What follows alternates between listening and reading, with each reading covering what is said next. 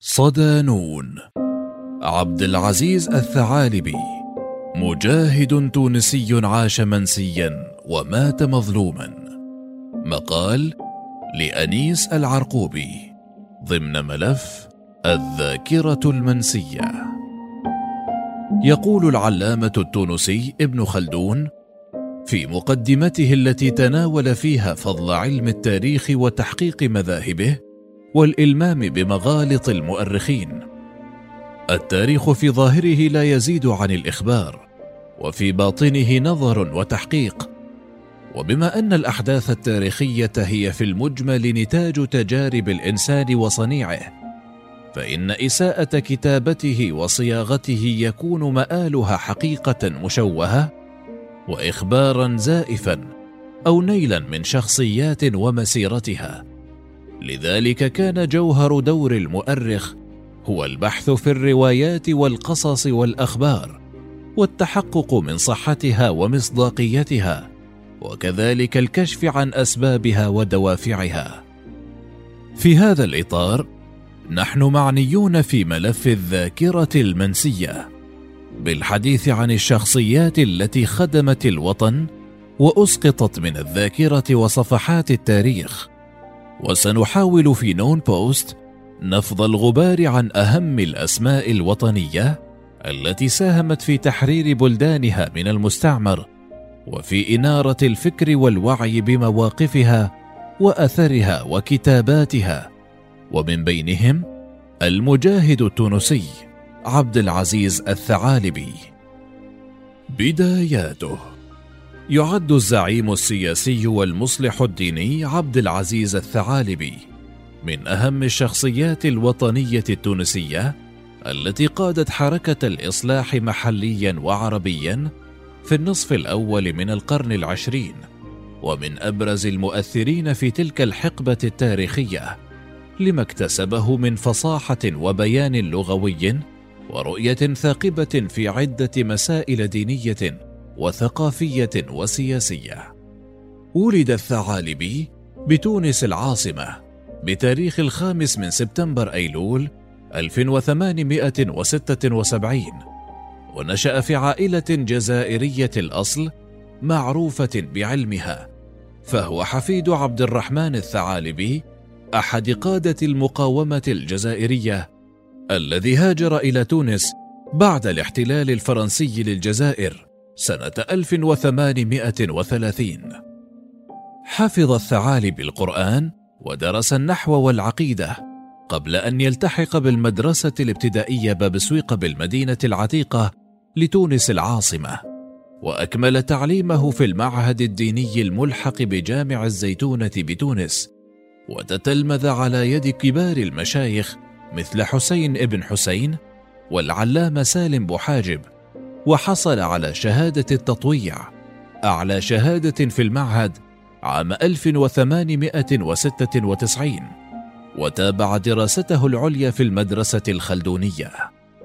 أول سجين رأي. انخرط الثعالبي مبكرا في الحياة السياسية والتحق برواد النهضة الفكرية والحركة الإصلاحية كالبشير صفر ونشر مقالات في عدد من الصحف كالصواب والزهرة والحاضرة والمنار إلى أن أصدر جريدته الخاصة سبل الرشاد وعمره تسعة عشر عاما. ومكنه إتقان اللغة العربية وفنون كتابتها من مواجهة الاستعمار الفرنسي وفضح جرائمه والدعوة للاستقلال. وبعد إغلاقها من المستعمر الفرنسي سافر الشيخ إلى بعض الدول منها ليبيا واليونان وتركيا ومصر حيث كان يلتقي بالمفكرين المتنورين والسياسيين المصريين من أمثال محمد عبده وجمال الدين الأفغاني وعبد الرحمن الكواكبي.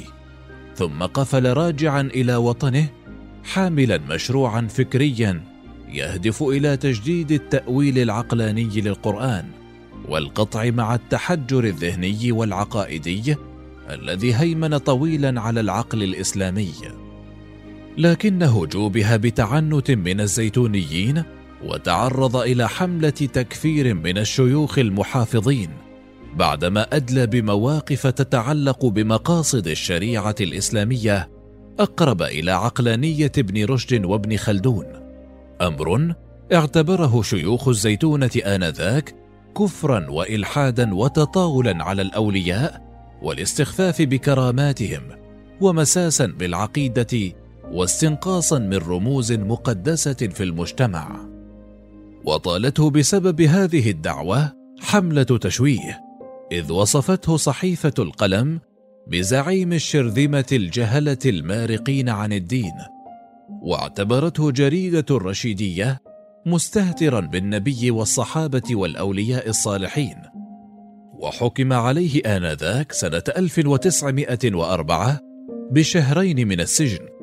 وقال الشيخ الفاضل بن عاشور في كتابه الحركة الأدبية والفكرية في تونس واصفا ما تعرض إليه الثعالبي من تشهير وتشنيع الرعاع يترصدون للثعالب في ذهابه إلى المحكمة ورجوعه يهاجمونه بالسب والأذى ثم حكم عليه بالسجن. نضال سياسي. عام 1905 ألف الثعالبي كتابا سماه روح التحرر في القرآن باللغة الفرنسية. وكان يبشر بمشروع تنويري في مرحلة تتسم بالظلمات وسيطرة الفكر التقليدي الجامد. فكان من أوائل الذين اهتموا بقضية المرأة ودعوا إلى تحريرها. كما أهتم بالثقافة والجمعيات وأسس جمعية تمثيلية جمعية الآداب والشهامة العربية.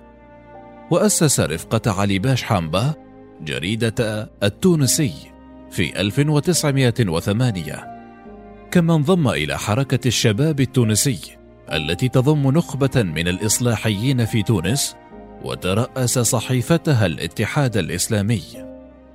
لمع اسم الشيخ الثعالبي في سماء المقاومة بتونس من خلال مشاركته في التحركات الاحتجاجية التي عرفتها البلاد في تلك المرحلة. مثل حركة طلبة الزيتونة سنة 1910 وأحداث الزلاج سنة 1911 ومحاولته مساعدة المجاهدين الليبيين في نضالهم ضد الإيطاليين.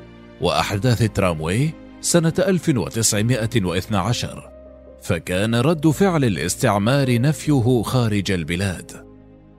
عاد إلى تونس من جديد ليواصل نضاله ضد المستعمر الفرنسي حاملا هم بلاده تونس والأمة الإسلامية جمعاء.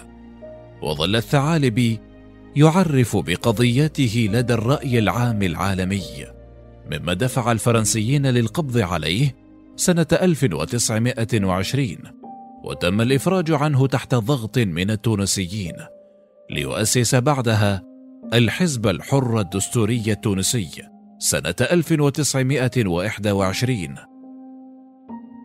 هدف من خلاله توحيد الصفوف وتجميع كلمة التونسيين للتحرر من المستعمر إذ لقي الحزب شهرة واسعة وانخراطا كبيرا من المواطنين والمثقفين صلبة بفضل قدرة الشيخ على الإقناع والاستقطاب وهو ما دفع بفرنسا إلى نفيه مرة أخرى وتحديدا إلى إيطاليا سنة 1923 وبعد إقامة طويلة الأمد قضاها في المشرق أربعة عشر عاما عاد الثعالبي إلى موطنه آملا في جمع شتات المناضلين وتقوية شوكتهم من خلال رص الصفوف بعد أن انشقت قيادات الديوان السياسي عن الحزب الدستوري الجديد في 1934 بقيادة الحبيب بورقيبة ومحمود الماطري والطاهر صفر. غير أن محاولات الثعالبي لم تجد صدى وباءت بالفشل. وتم منعه من مقابلة أنصاره والمواطنين في عدد من المدن التونسية بإيعاز من الحبيب بورقيبة ورفاقه. نقل أحد أحفاد الشيخ أنس بن مالك شهادة عمته سعاد بن مالك أن اجتماع ماطر الذي حضره الشيخ تم الهجوم عليه من مجموعة بالأسلحة النارية والبيضاء سكاكين من الباندية المجرمين جاءوا من محافظتي باجة وسوق الأربعاء. ويقول الأكاديمي سالم الأبيض في مقال نشره سابقا في لحظة كان فيها الشيخ الثعالبي منفيا خارج البلاد بقرار الفرنسيين بين 1923 و 1937 تسلل الدستوريون الجدد إلى الحزب بقيادة بورقيبة والدكتور محمود الماطري وقادوا انشقاقا عميقا ظهر بموجبه الحزب الدستوري الجديد سنة 1934 مضيفا ولما عاد الثعالبي وحاول رأب الصدع وإعادة توحيد الحزب الذي أسسه بنفسه. وذلك سنة 1937 تعرض إلى كل أصناف الإهانة التي وصلت إلى درجة ممارسة العنف ضده من أنصار بورقيبة. حتى إنه مات كمدا سنة 1944 بسبب ما لقاه من تهميش ونكران لأعماله ونضالاته وأفكاره وكتاباته. رحالة مثقل بالقضايا. غادر الثعالبي تونس إلى إيطاليا ففرنسا ثم إلى مصر وصولا إلى الشام ونهاية استقر بالعراق حيث درس في جامعة آل البيت ببغداد منذ سنة 1925 إلى سنة 1930 ثم ترك العراق إلى مصر ومنها سافر إلى الصين وسنغافورة وبورما والهند والكويت ثم عاد إلى القاهرة وذلك بهدف الدعوة لتحرير الشعوب العربية. عمل الثعالبي من خلال كتاباته ورؤيته النقدية واستقرائه للواقع والمستقبل وحدثه السياسي الثاقب على إحياء الرابطة أو الجامعة الإسلامية ورأب الفجوة الواسعة بين ما يعيشه المسلمون من تخلف وما وصل إليه الغرب من حضارة. وفي الهند التي زارها خمس مرات حاول الشيخ فض النزاع القائم بين الطائفتين المسلمتين والهندوسية محذرا من سرقة غاندي للثورة على الاحتلال البريطاني من المسلمين وتفريغ البلاد من المسلمين بالاتفاق مع البريطانيين لترجيح الأغلبية لفائدة الهندوس. وهو ما حدث عندما فصلت باكستان وبنغلاديش كما عمل على التواصل مع الطبقة المحرومة من غير المسلمين. ودعا إلى نشر التعليم وكتب تقريرا مفصلا عن أحوال الهند يعتبر إلى اليوم مرجعا مهما عن الوضع السياسي. كما زار عبد العزيز الثعالبي عدن اليمنية أربع مرات بين 1924 و 1936 الأولى كانت في إطار جولة واسعة في الشرق العربي والهند والقرن الإفريقي للدعوة إلى توحيد ملوك وسلاطين العرب في رابطة سياسية وجامعة إسلامية تمكنهم من انتشال الأمة إضافة إلى إقناع اليمنيين المنقسمين آنذاك بالوحدة. وكان للزعيم التونسي أثر بالغ وبصمة تركها في المدينة اليمنية بفضل دعوته لإرساء نهضة ثقافية وعلمية. بعدما عاين مظاهر التخلف والخمول وتفشي الفساد. من خلال مشاركته الفعالة في تأسيس نادي الأدب العربي سنة 1925 ونوادي الإصلاح العربي الإسلامي سنة 1929 عن طريق تلامذته المحامي محمد لقمان والأستاذ أحمد محمد سعيد الأصنج. فلسطيني الفؤاد. حول الثعالبي بوصلته إلى فلسطين فقد لعب دورا بارزا في المؤتمر الإسلامي العام بالقدس الذي انعقد في سبتمبر أيلول 1931 حتى تم تعيينه مكلفا بالدعاية والنشر وعضوا في المكتب الدائم للمؤتمر. وسافر إلى الدول والأمصار معرفا بالقضية الفلسطينية الأم التي كانت متأججة في وجدانه وساهم في تأسيس المؤتمر الإسلامي الذي انعقد في القدس في ديسمبر 1931 برئاسة محمد أمين الحسيني مفتي فلسطين. ووضع نفسه وأفكاره في خدمة القضية. وفي زياراته المتعددة لعدد من المناطق في فلسطين وألقى الخطب ومحاضرات وشحذ الهمم و... وشحذ الهمم وكتب مقالات من أجل توعية الشباب الفلسطيني بخطر الاحتلال البريطاني والخطر الصهيوني القادم.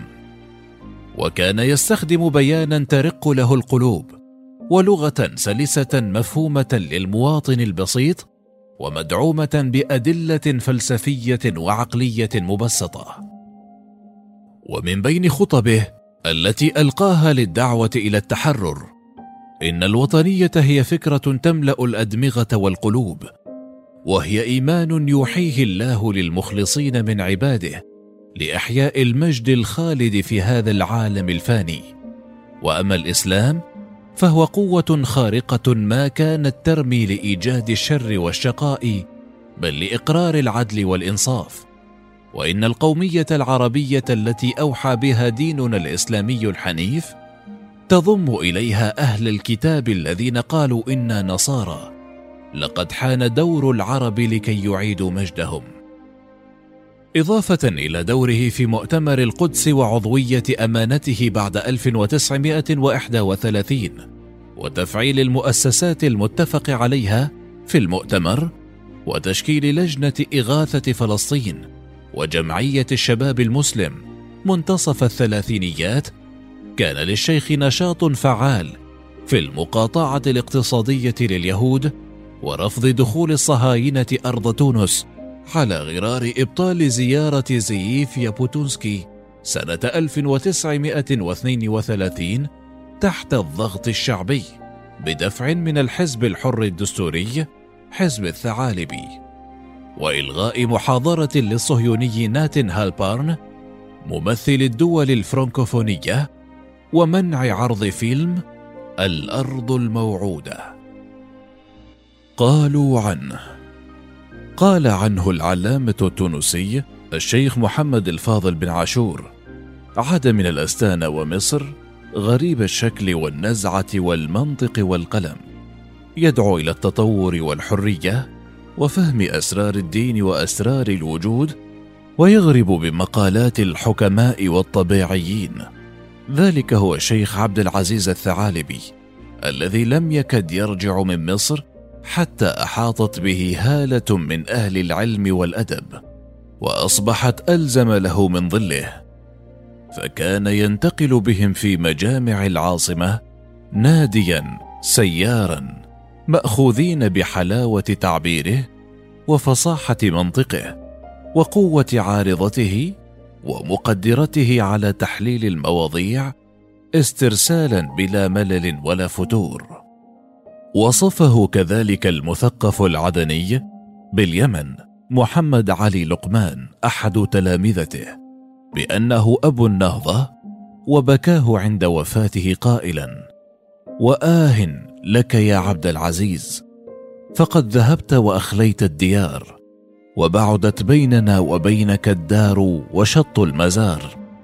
كما أطلقت عليه الصحافة الفلسطينية في ذلك العهد لقب ابن خلدون الجديد وشهد المفكر عبد الرحمن الكواكبي في رسالة خطية تركها بأنه تأثر بأفكار الثعالبي ومقاربته في نقد الحكم المطلق الاستبدادي. مؤلفاته من أهم مؤلفات الشيخ الثعالبي كتاب تونس الشهيدة والروح الحرة في القرآن وكتاب معجزة محمد رسول الله صلى الله عليه وسلم.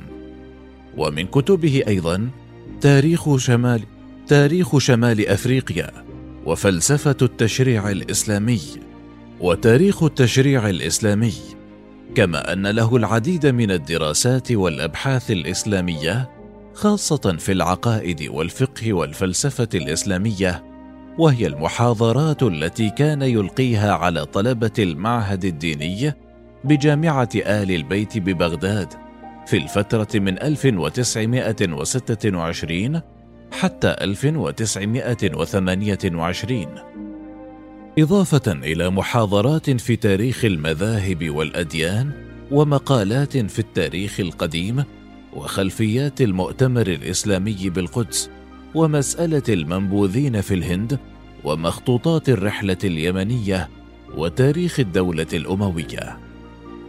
قد يقتصر اطلاع عامة التونسيين على سيرة الرجل على أنه مؤسس الحزب الحر الدستوري القديم وإن زادت معرفتهم به فإنه مؤلف كتاب تونس الشهيدة.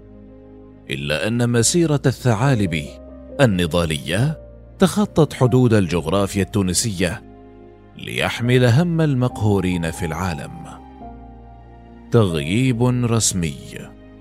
في تصريح لنون بوست قال الباحث والمؤرخ عبد الجليل التميمي إن المتتبع لمسار الحركة الوطنية في تونس ومراحلها التاريخية سيكتشف أن هناك مكيدة حاكها الإعلام الرسمي والقيادة السياسية طيلة فترة ما بعد الاستقلال وبناء الدولة، مشيرا إلى أن محمد الصياح الوزير المقرب من بورقيبة غيب شخصيات كثيرة من الفاعلين في مسيرة الحركة الوطنية والكفاح ضد المستعمر.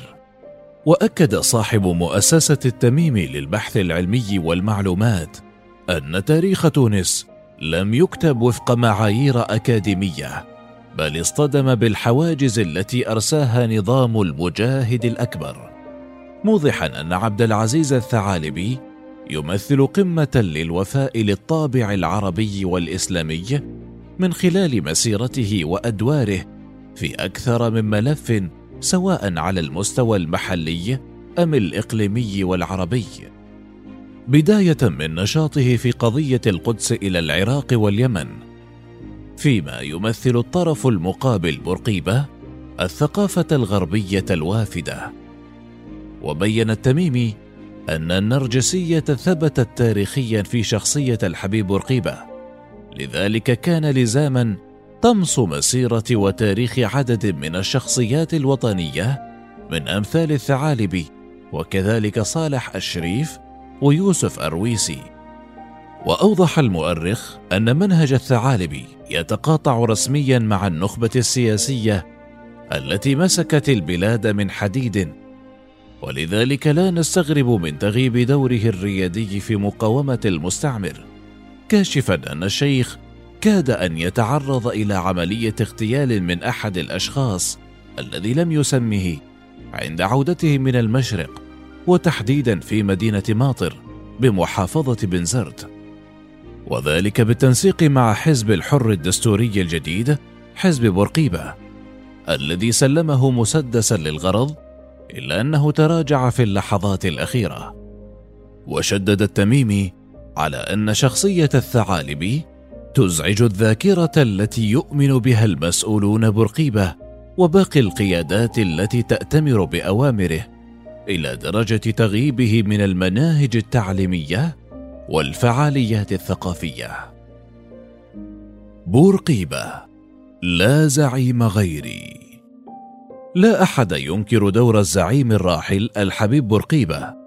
في استقلال تونس عن الاستعمار الفرنسي ونضاله في سبيل التحرر. ولكنه في المقابل كان سببا في عدم تحول البلاد إلى دولة ديمقراطية متقدمة تليق بحضارتها وتاريخها إضافة إلى سياسته القائمة على تصفية الرفقاء الأعداء صالح بن يوسف وإقصاء المعارضين يساريين أو إسلاميين. فكان طيلة حكمه دكتاتورا مستنيرا. وفي هذا السياق قال المؤرخ محمد ضيف الله في تصريح لنون بوست إن كتابة تاريخ الحركة الوطنية تمحور حول دور الزعيم الحبيب رقيبة وقد سخرت له أجهزة الدولة والحزب من أجل ترسيخ هذه القراءة التي فرضت نفسها على جميع الأصعدة في الإعلام وفي التعليم. متابعا القول لقد أصدرت له سلسلة تاريخ الحركة الوطنية التي أشرف عليها محمد الصياح وألقى برقيبه نفسه سلسلة من المحاضرات بمعهد الصحافة في خريف 1973 حول تاريخ الحركة. وكان من الطبيعي أن يقع تجاهل العديد من الرموز الوطنية وتبخيس أدوار قيادات أخرى. وكل ذلك في سبيل إعطاء دور أهم لبورقيبه وأشار المؤرخ التونسي إلى أن السلطة بعد الاستقلال عملت على تغييب عبد العزيز الثعالبي. وإن ذكر فيذكر موقفه بعد أحداث أبريل نيسان 1938 وأنه دفع إلى توريط بورقيبة في تلك الأحداث أي كأنه قام بدور خيانة. وهكذا بالنسبة لغيره من القيادات. مضيفا أن الرئيس التونسي نعت في إحدى المناسبات الزعيم صالح بن يوسف بأنه حية رقطاء. عاش منسيا ومات مظلوما. عانى شيخ المناضلين التونسيين ضيما وحيفا مختلف الأشكال والألوان. فإضافة إلى التكفير الذي لقيه من بعض المشايخ والزيتونيين وتخوين الرفاق وأصحاب الدرب تعرض الثعالبي إلى مظلمتين تاريخيتين الأولى بتعمد تهميشه تاريخيا وطمس دوره الريادي في إذكاء ذروة الحركة الوطنية ومساهمته الثقافية والاجتماعية من الرئيس الراحل الحبيب بورقيبة وحاشيته. والثانية ما زالت معلقة في عنق حكومات ما بعد الثورة التي أهملت هي الأخرى علما من أعلام النضال والتضحية في سبيل استقلال البلاد ولم ترد له الاعتبار المعنوي من خلال تعريف النشء به من خلال الندوات والورشات والمعارض. بل عملت عدة أحزاب ما بعد الثورة نداء تونس وحركة النهضة على استغلال إرثه وتاريخه في حربهما وصراعهما السياسي. فيما يتحمل المثقفون والإعلام التونسي بشقيه العام والخاص جزءا مهما من المسؤولية. وفي الإطار ذاته كشف الباحث التونسي فتح القاسمي في تصريح لنون بوست أن تهميش الزعيم السياسي والديني عبد العزيز الثعالبي لم يقف عند تغييب دوره النضالي في فترة ما قبل الاستقلال في تاريخ تونس الحديث بل وصل الأمر بالسلطة إلى عدم إيلاء قبره العناية اللازمة التي يستحقها الرجل. موضحا أنه من اكتشف مرقده المنسي في مقبرة الجلاز وقد تكاثر فوقها الاعشاب وقوارير الخمر وهو ما دفعه لكتابة مقال في الغرض. من يكتب تاريخنا؟ يؤكد محمد ضيف الله أن كتابة التاريخ تتعدد ولها أشكال مختلفة تتراوح بين التاريخ الرسمي أي رواية السلطة وفي تونس وقع تجاوزه بعد ثورة الرابع عشر من يناير. وقليلون هم الذين يتبنونه. والتاريخ المدرسي وهو متأثر عموما بمقاربة التاريخ الرسمية رغم بعض التعديلات والإضافات. وكذلك تاريخ الهواة الذي يكتبه غير المتخصصين. إضافة إلى التاريخ الجامعي المكتوب طبقا للمنهجية التي يتطلبها البحث العلمي إلا أنه غير معروف أو غير منشور. فيما لا تصنف كتابات المذكرات في خانة المراجعات التاريخية وأصحابها أحرار فيما يكتبون مشيرا إلى أن السؤال عن إعادة كتابة تاريخ الحركة الوطنية في تونس لا معنى له. وفي الإطار ذاته عادة ما يتهم بعض كتاب التاريخ ومؤرخوه بالانحياز لجهة معينة إن كانت سلطة أو جماعة أو للأيديولوجيا يحملون أفكارها وتطرح من هذا الباب تساؤلات عديدة موضوعية المنتج دراسة أو بحثا ومدى تجرد القائمين عليه. فالتاريخ كما قيل يكتبه المنتصرون سواء كان النصر حربا أم منافسة سياسية أم حزبية لغاية التحكم وإخضاع المعارضين. ولا يقتصر الأمر على تطويع الأحداث وتبديل الحقائق في كتب التاريخ بل يتعداه إلى المقررات الدراسية ومناهج تعليم. بالمحصلة يراهن التونسيون على ما أنتجته ثورة الرابع عشر من يناير من حراك ثقافي واجتماعي يزيد في منسوب الحريات المكتسبة ويعزز الديمقراطية الوليدة من أجل ولوج أبواب التاريخ الموصدة. وكشف خباياه وأسراره. ودحض ما كانت الأنظمة تسوقه على أنها حقائق لا تقبل التجريح أو التعديل. والوقوف على الفوارق بين التأريخ والدعاية وإعادة الاعتبار للشخصيات الوطنية المنسية والمظلومة وفق أدوات علمية تراعى فيها أخلاق علم التاريخ والأمانة. ولعل تجربة العدالة الانتقالية التي تشرف عليها هيئة الحقيقة والكرامة خير مثال على الخطوات الأولى التي اتخذتها تونس مهد الربيع العربي في هذا المجال. فالتاريخ يطمره الموتى وينبشه الأحياء.